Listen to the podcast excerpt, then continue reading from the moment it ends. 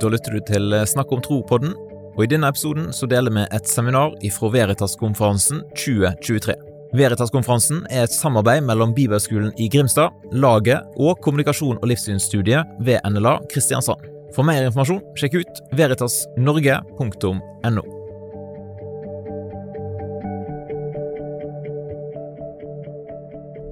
Da er vi i gang. Eh, veldig, veldig kjekt. Veldig veldig kjekt å få lov å være på Veritas-konferansen.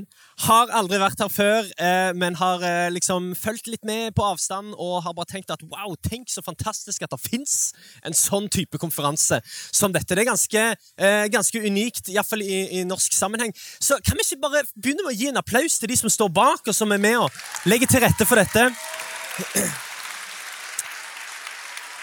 Det er fantastisk. Så fint. Eh, Altså, Jeg heter Thomas. Jeg eh, er gift med Karoline. Vi har ingen barn, eh, men vi har mye annet. Mye gjeld, blant annet. Vi har veldig mye gjeld. Så, men vi har hverandre òg, så det går bra. Og så har jeg Ja, jeg har skrevet ei bok. Jeg vil bare vise den òg, sånn at den er på en måte synlig for alle. De selger den til sånn skampris her borte, til 199. Eh, Så det går an å få tak på, på den etterpå. Det som skiller denne boken ut fra alle andre kristne bøker som er skrevet i nyere norsk moderne tid, det er at den er uten forord av Øystein Gjerme, som det står her. Uten forord. For han skriver altfor mange forord. Så det er et friskt pust på mange nivåer, den boken her. altså. Så da, da er det sagt. Um, jeg eh, Hva mer må man si liksom om seg sjøl? Jeg eh, Ja. Sa jeg at jeg hadde vært gift i ti år? Sa jeg det? Ti år! Fordi vi gifta oss når vi var tolv. Kødda. Vi, vi har vært gift eh, lenge. Eh, men vi ble sammen når vi var 14 år, så vi har liksom holdt, holdt ut en stund. da. Eh, bor i Oslo nå, dessverre, eh, men gjør det beste ut av det. jobber litt i pinsebevegelsen eh, som, eh, og jobber med lederutvikling og sånn. Så er jeg så heldig å få lov til å reise, preke Guds ord, og eh, ser veldig stort på den tjenesten. Du, altså det, det er jo helt eh, rått det her, med fornuft og fantasi liksom som en, som en overskrift. Og jeg tenkte at eh, de neste minuttene her nå så skal vi gå inn i noen, noen tanker, så jeg håper du sitter liksom litt langt framme på stolen her og er liksom litt klar. og sånn. Hvis noen sovner ved siden av deg, så er det bare å smekke til. eh, sånn at vi på en måte henger, henger på de neste minuttene. Jeg skal begynne med å lese et vers fra Efeserne, eh, kapittel 1. Og jeg syns det er så interessant å se hvordan Paulus, men ikke bare Paulus, alle de første kristne, hvilket menneskesyn de hadde. hvilket, liksom, og når jeg sier menneskesyn, så snakker jeg ikke om liksom menneskeverd, men liksom hvordan de så at mennesket faktisk fungerer. Hvordan er det mennesker faktisk kommer til konklusjoner? Hvordan er det mennesket faktisk tenker, føler, mener, snakker og, og, og, og liksom hele den pakka? For det var en veldig integrert forståelse. Bare legg merke til eksempel denne bønnen fra Paulus når han ber om at vår Herre Jesu Kristi Gud, herlighetens Far, må la dere få en ånd som gir visdom og åpenbaring. Legg merke til, Her er det en slags parallell, ser jeg med en gang, i, fall, i forhold til fornuft og fantasi. Ånden, Det som er en del av åndens tjeneste, er å gi oss både visdom og åpenbaring. Både fornuft og fantasi. Så står det videre at um, må han gi dere lys til hjertets øyne? Og Det er en interessant beskrivelse. Vi kommer, kommer tilbake til det. Må han gi dere lys til hjertets øyne, så dere får innsikt i det håp han har kalt dere til? Hvor rik og herlig hans arv er for de hellige, og hvor overveldende hans kraft er hos oss som tror. Må han gi dere lys til hjertets øyne? Sånn at vi kan få innsikt. Noe å grunne på. Både fornuft og fantasi er en slags overskrift for disse dagene her. Og jeg elsker bare, igjen, elsker at det finnes en konferanse som dette, som både tenker på fornuften og fantasien, som både tar på alvor at vi har en hjerne og et hjerte. Som tar på alvor at vi er hele mennesker. Noen er veldig opptatt av å skille mennesket fra hverandre med å si at vi, vi har en ånd, vi har en sjel og vi har en kropp. Og selv om det er sant, så kan man ikke dele de fra hverandre altfor sterkt. Liksom, liksom, eh, for, for hva er vel egentlig eh, liksom, et menneske uten en kropp? Eller hva er et menneske uten en, en, en sjel eller et menneske uten en ånd? Sant? Disse tingene her henger sammen. Og er det en ting metoo liksom lærte oss, så er det at det som skjedde med kroppen min, skjedde ikke bare med kroppen min, det skjedde med meg. Det, vi, er, vi, er, vi er hele mennesker som har både ånd, sjel og kropp, og disse tingene her henger sammen. Vi har både muligheten til å tenke rasjonelt, og vi er emosjonelle vesener som kan, som kan føle ting. Men ikke bare det, så er vi òg imaginære vesener som kan se for oss ting som ennå ikke er. Det er det som skiller mennesker fra dyr. For det er kun mennesker som ser for seg en verden som ikke fins. Det er ingen, ingen, dyr som gjør det. Det er ingen ku som drar på pilegrimsreise. Sant? Det er ja, men sant, Vi må finne meg sjøl. Altså, det, det, er ingen dyr som tenker sånn. Det er ingen bever som er lei av å liksom, Jeg skulle aldri begynt på det her demning-greiene. Det er så, så voldsomt prosjekt. Fra nå av bygger jeg broer. Liksom, sant? Eller, skjønner du? Det, det, men det det som er unikt med hvert menneske. Det er at Vi har muligheten til å ikke bare se med øynene, men vi har mulighet til å se med hjertet. Vi har muligheten til å se for oss ting, og vi har muligheten til å skape det som vi ser for oss. Både fornuften og fantasien, tror jeg, er meint til å være i sannhetens tjeneste. Både fornuft og fantasi er meint til å være i sannhetens tjeneste. Fornuft gjør sannheten tydelig. Fantasi gjør sannheten nydelig. Det er poesi, dette. C.S. Lewis er jo en frontfigur her. Og Han poengterte også flere ganger at det er ikke før vi får koble på et bilde på sannheten, at vi faktisk begynner å tro på sannheten. Altså, Det er ikke før vi har koblet på en eller annen større idé, eller at vi klarer å visualisere det som fornuften prøver å lede oss til, at vi faktisk begynner å tro på det fornuften prøver å lede oss til. Altså, det, Fantasien spiller òg en avgjørende rolle for sannheten, og for at sannheten skal ta plass i livene våre. Det som er interessant, da, som jeg bare har lagt merke til, dette er min lille liksom, analyse, det er at vi lever i en tid der både fornuften og fantasien er, på en måte litt sånn i motvind. Fornuften på den måten at uh, vi ikke klarer liksom i 2023 å enes rundt at sannheten er en objektiv, uforanderlig størrelse. Vår tid har i stor grad tatt til takke med det som man i beste fall kan forklare som sannaktighet. Sant? Det, det er sannheten ish. Ja, er det sant? Ja! Ish. Skjønner du? Jeg vet ikke helt, men jeg tror det. Jeg vet ikke helt, men jeg, jeg føler at det kan være sant. Og så har vi på en måte blitt, ja, det er greit nok for oss. Vi bygger samfunnet på sannhet, ish på sannaktigheter. Jeg var en lystløgner når jeg vokste opp. Veldig sånn der, Fortalte de mest helt utrolige historier når jeg kom hjem fra skolen. Og som regel var de helt forferdelige. sant? Og jeg kunne komme hjem til mamma og si sånn der Vet du hva, det er faktisk ingen som har lyst til å leke med meg. Og går aleine i friminutt og sånn. Og mamma bare Hæ? Er det sant? Nei, jeg vet ikke helt. så det var liksom Bare klarte å gjennomskue det. Nei, Jeg vet ikke helt, men jeg tror det, sa jeg. Så, men, men det er litt Det er jo litt der vi er, da. sant? At litt sånn der Ja, stemmen og i hvert fall en Ja, jeg vet ikke helt, men jeg tror det. Det føles i hvert fall sånn. Jeg har mine liksom, subjektive oppfatninger av verden, og det får holde. Så fornuften og vi kan snakke lenger om dette, men fornuften er definitivt i en motbakke. Men det som er interessant, er at fantasien vår òg går gjennom en litt sånn der eh, Egentlig litt sånn eh, Det er en trøkk på fantasien i det moderne mennesket. Og nå, Når vi snakker om fantasi, så må vi bli enige om hva det handler om. For det handler ikke om oppspinn og drømmer liksom sånn, som er helt sånn urealistiske. Men jeg snakker da om vår menneskelige kapasitet til å se for oss det som ennå ikke er. Det er vår menneskelige kapasitet til å se for oss livene våre, hverdagen vår, inn i et narrativ som ikke er tilgjengelig bare for øynene våre. Det er det som jeg snakker om når jeg snakker om fantasien.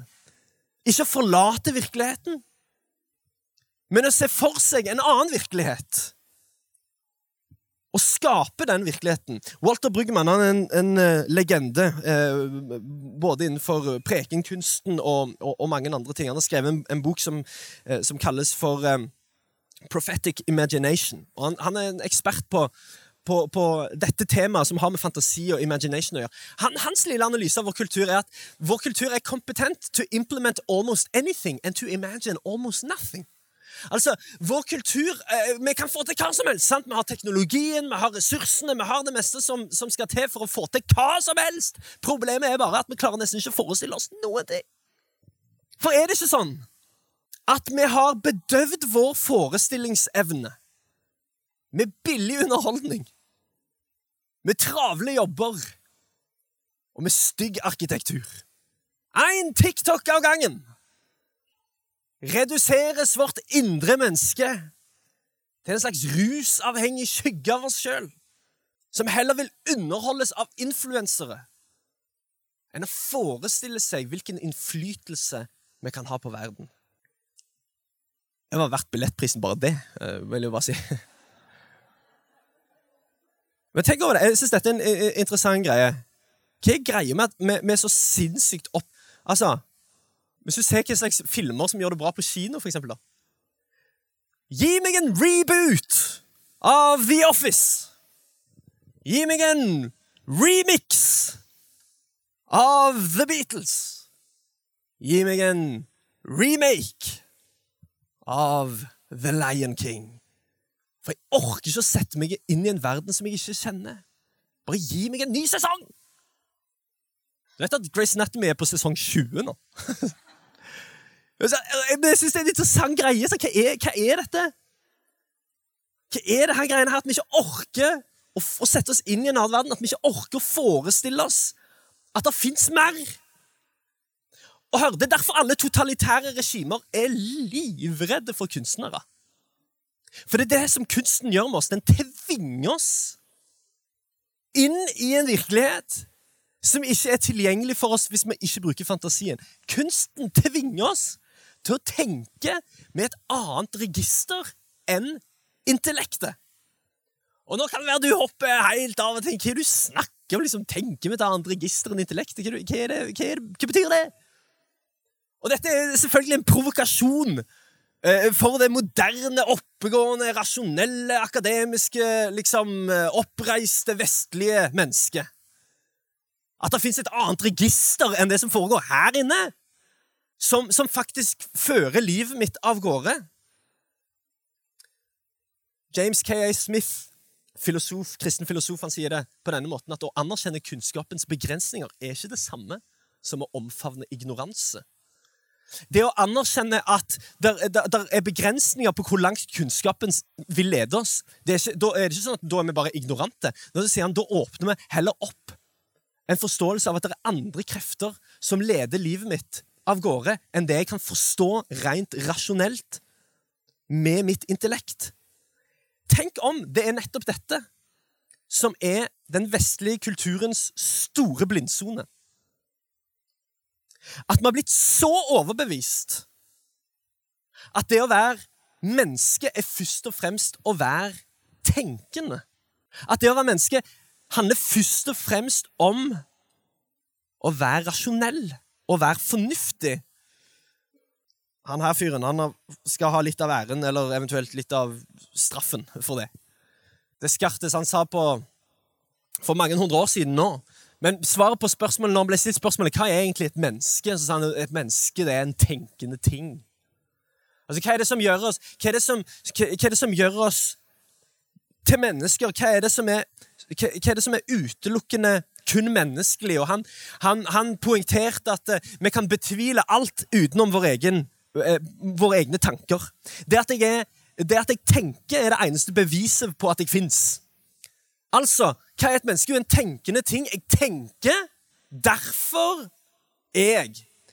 Denne ideen her og det, det, Denne fins i ulike former og på mange nivåer. Men kanskje så er det sånn at denne ideen om hva det vil si å være menneske, har fått et, et, såpass stort fotfeste i vårt vestlige samfunn at vi har fått en slags overdreven fokus på akademia og, og rasjonalitet og, og intellekt som verktøy for å fremme forandring både i livet og i samfunnet for øvrig.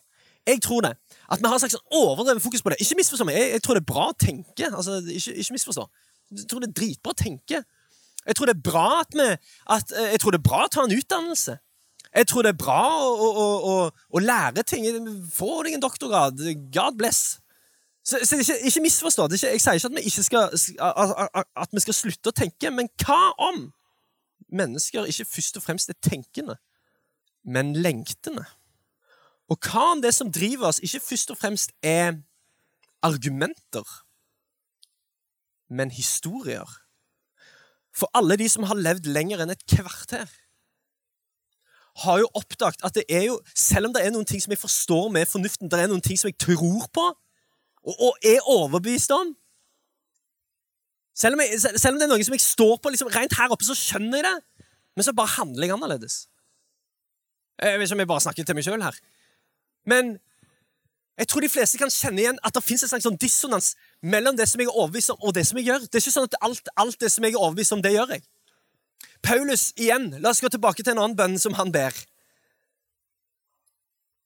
Når han ber for menigheten i Filippi, så ber han ikke bare om at de skal, bli, at de ikke, at de skal få mer innsikt og dømmekraft. Legg merke til at han ber om at deres kjærlighet må bli mer og mer rik på innsikt og dømmekraft. Ikke bare ber han om at de skal bli smartere, flinkere og bedre, men det han ber om, er at deres kjærlighet Hva er det han snakker om? At deres kjærlighet skal bli mer og mer rik på innsikt. Han snakker om selvfølgelig om noe helt annet enn intellektet. Han snakker om fantasien. Han snakker om hjertet. Han snakker om vår forestillingsevne. Han snakker om våre lengsler. Må våre lengsler, vår kjærlighet, bli mer og mer rik på innsikt og dømmekraft, sånn at vi kan forstå. Med andre ord, Det er ikke, det er ikke før, du, du, før, det skjer en endring med lengslene dine, at du faktisk forstår hva som skjer. Når deres kjærlighet blir mer og mer rik på innsikt og dømmekraft, slik at dere kan forstå og avgjøre hva som er viktig, og stå rene og feil, rene og uten feil på Kristi dag. Hjertet, mine damer og herrer, har grunner intellektet vårt ikke kjenner. Og i vår kultur så tror vi at alt kan løses med kunnskap. Tenk over det hver gang det skjer en tragedie. sant? Hver gang det skjer en tragedie i samfunnet, så er det alltid en eller annen myndighetsperson som er ute og sier sånn der, ja, men vet du hva, Dette, vi skal sette ned et utvalg. Sant? Det er alltid et eller annet utvalg. Hver gang det skjer et eller annet. sant? Oi, ja, uff, dette var forferdelig at dette skjedde. Ja, det var helt oppsiktsvekkende. Helt sinnssykt. At, at, denne forferdelige tragedien skjedde. Hvordan kunne dette skje? Vi skal sette et utvalg. Vi skal granske. Vi skal lese oss litt mer opp. Vi skal utforske litt mer. Vi skal ta litt eh, mer utdanning, hele gjengen. Og vi skal sende hele avdelingen på kurs. Skjønner du? Så, så vår, vår, tilnærming til det meste i forhold til faktisk endring i, i både på individuelt nivå og på samfunnsnivå, det er la oss, la oss få litt mer kunnskap. Ja, Det er helt sikkert et kunnskapsproblem. Man er ikke opplyst nok. Vi trenger å lære litt mer, vi trenger å høre Men det blir litt som å stå med et nedbrent hus. Og så diskuterer man alle andre spørsmål enn det som er det viktigste. For hvis du står med et nedbrent hus, er det mange ting det går an å snakke om. Det går an å spørre hm, hvorfor kommer ikke brannbilen raskt nok. Godt spørsmål, men ikke det viktigste. Du kan stå med det nedbrente huset, og så kan du spørre sånn hm, Hvorfor funker ikke brannvarsleren tilfredsstillende nok? Himla godt spørsmål. Men det er et større spørsmål her! Viktigere spørsmål her! Og spørsmålet er hvorfor begynte det å brenne? Er ingen som stiller det spørsmålet! For hør, det er en grunn for at vi ser økende depresjon i samfunnet vårt. Det er en grunn for at vår generasjon ruser seg på stimuli fra sosiale medier. Det er en grunn for at vi hører mer og mer om flere og flere seksuelle overgrep i stadig yngre aldre. Det er en grunn for at 4,7% av ungdommer mellom 16 og 30 har prøvd kokain det siste året. Men det er ikke fordi at folk mangler kunnskap. Det handler om lengsler som er på avveie. Ja, halleluja, vil jeg legge til. Det, det, ja, men hør, da. Norge er et av de mest opplyste samfunnene i verden. På, det, løsningen kan umulig være mer kunnskap. Det er noe dypere som foregår enn bare det som skjer her inne. Det er noe med våre lengsler som er feilkalibrert, og som er på avveie. Ja, hvordan har de blitt det? Jo, det handler om det handler om historier som er blitt fortalt oss. Historier som har kapra vår fantasi og forestillingsevne. Når vi har bedøvd oss sjøl og vi ikke orker å tenke sjøl, så har noen bare tenkt for oss. Kapra, Historier som har kapra vår fantasi. Historier om hva som er meningsfullt, f.eks. Historier om hva som er verdifullt. Historier om hva som tilfredsstiller. Historier om hvem Gud er. Historier om hva et menneske er. Historier om hva som leder til et godt liv. Historier som har skapt i oss nye lengsler. Timothy Keller poengterer Change happens not just by giving the mind new arguments, but also by feeding the imagination new beauties. hvis, hvis, du faktisk vil Hvis du kjenner på oh, Thomas, jeg har det grapet som du snakker om. Det, det er på, det, det, er noen ting jeg er overbevist om, men jeg finner meg sjøl til å gjøre helt andre ting hele veien. Skal jeg si deg en ting? Nøkkelen er ikke å ta deg sammen. Nøkkelen er ikke å sette ned et utvalg. Nøkkelen er ikke å granske og opplyse deg sjøl. Du, du, må gjøre noe med lengslene dine. Du må sørge for at du, at du setter deg sjøl i en posisjon der Gud kan få lov til å begynne å forme deg litt på ny. Og hør, vi alle sammen i den båten, så, så, selv om det er stille her, så er vi alle i den båten. Og det her, Ordet tilbedelse er et nøkkelord. Jeg skal ha et seminar, og vi skal inn i, inn i det som har med tilbedelse, og hvordan dette er et svar på disse spørsmålene som jeg bare kaster ut her nå. Vi skal gi deg en liten, en liten tanke. For tilbedelse, det er ikke bare sang og musikk. Tilbedelse er kalibreringsteknologi. Tilbedelse er ikke bare, er ikke bare noe møtefull. Tilbedelse er kalibreringsteknologi som, som, som, refokuserer hjertene våre. Og som gir oss nye lengsler. Hvis vi har lyst til å gjøre noe med de lengslene som er på avveie, så er den eneste måten å gjøre det det er å begynne å gjøre noe med hva vi tilber. Hva vi gir verdi, hva vi ser på. På engelsk så bruker man ordet 'worship'. Og Det er satt sammen av to ord. Worth og shape. Worth shape. Worth som betyr verdi, shape som betyr form. Altså, du blir forma av det du gir verdi. Du blir forma av det du ser. Ikke bare med dine fysiske øyne, men dine hjertets øyne. Det du gir verdi, er det som til syvende og sist gir deg verdi. Derfor så kan vi ikke og jeg er liksom forkjemper for det. Vi kan ikke redusere tilbedelsen til å bli en slags sånn der, bare en utelukkende intellektuell øvelse. Og, så, og bare stå der. Synge sang. Altså, du vet når du løfter hendene når du synger.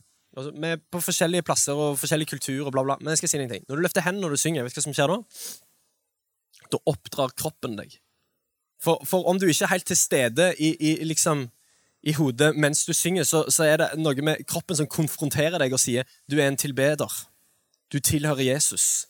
Du står med hendene opp. Så, så plutselig så begynner du å koble på hjertet ditt igjen. Altså, og hvis ikke du vil gjøre det for Herren, gjør det for kolesterolet, har jeg lest. For det er det veldig bra.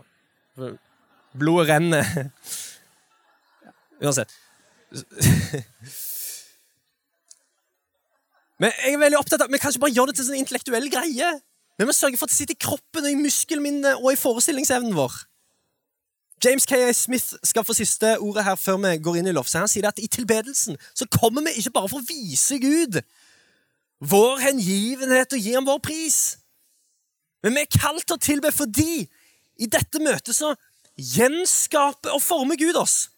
Ovenfra og ned. Tilbedelse er arenaen der Gud refokuserer våre hjerter, rekalibrerer våre lengsler og gjenoppbygger vår kjærlighet. Tilbedelse er ikke bare noe vi gjør. Det er der Gud gjør noe med oss. Tilbedelse er hjertet av disippelskap fordi det er gymsalen hvor Gud trener opp livene våre.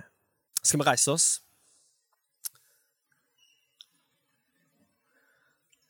Så ber jeg bare, Hellige Ånd, om at du kommer nå, når vi tilber deg, at du gir lys til hjertets øyne.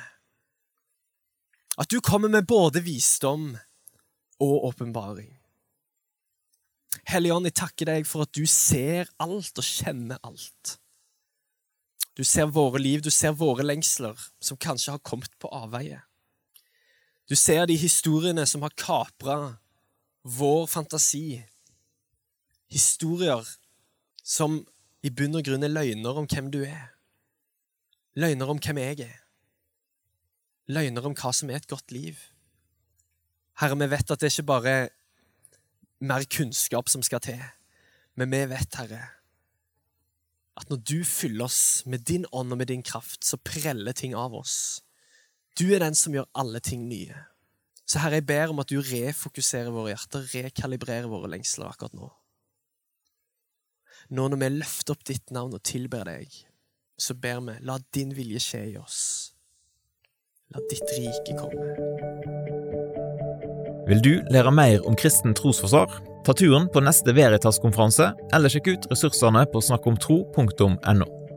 Du kan òg studere kommunikasjon, livssyn og kristen apologetikk på NLA Høgskolen. Sjekk ut nla.no kl. Setter du pris på at vi deler sånne ressurser via Snakk om tro-podkasten? På damaris.no finner du informasjon om hvordan du kan støtte arbeidet vårt økonomisk.